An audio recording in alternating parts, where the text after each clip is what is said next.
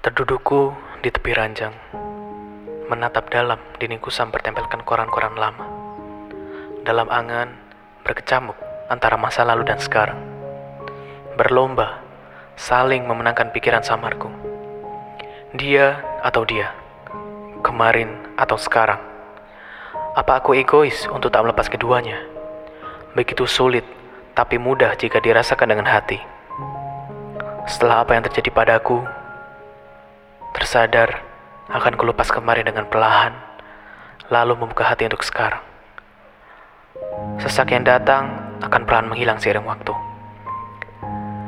Dia yang sekarang akankah bisa memenangkanku, ataukah aku yang akan memenangkannya?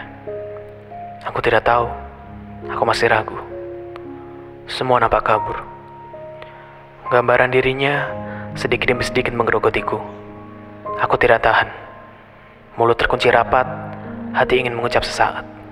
Dengarlah, aku si lemah yang berusaha kuat. Mencoba mengatakan dengan lantang. Kamu hadir di sini, apakah benar-benar sadar?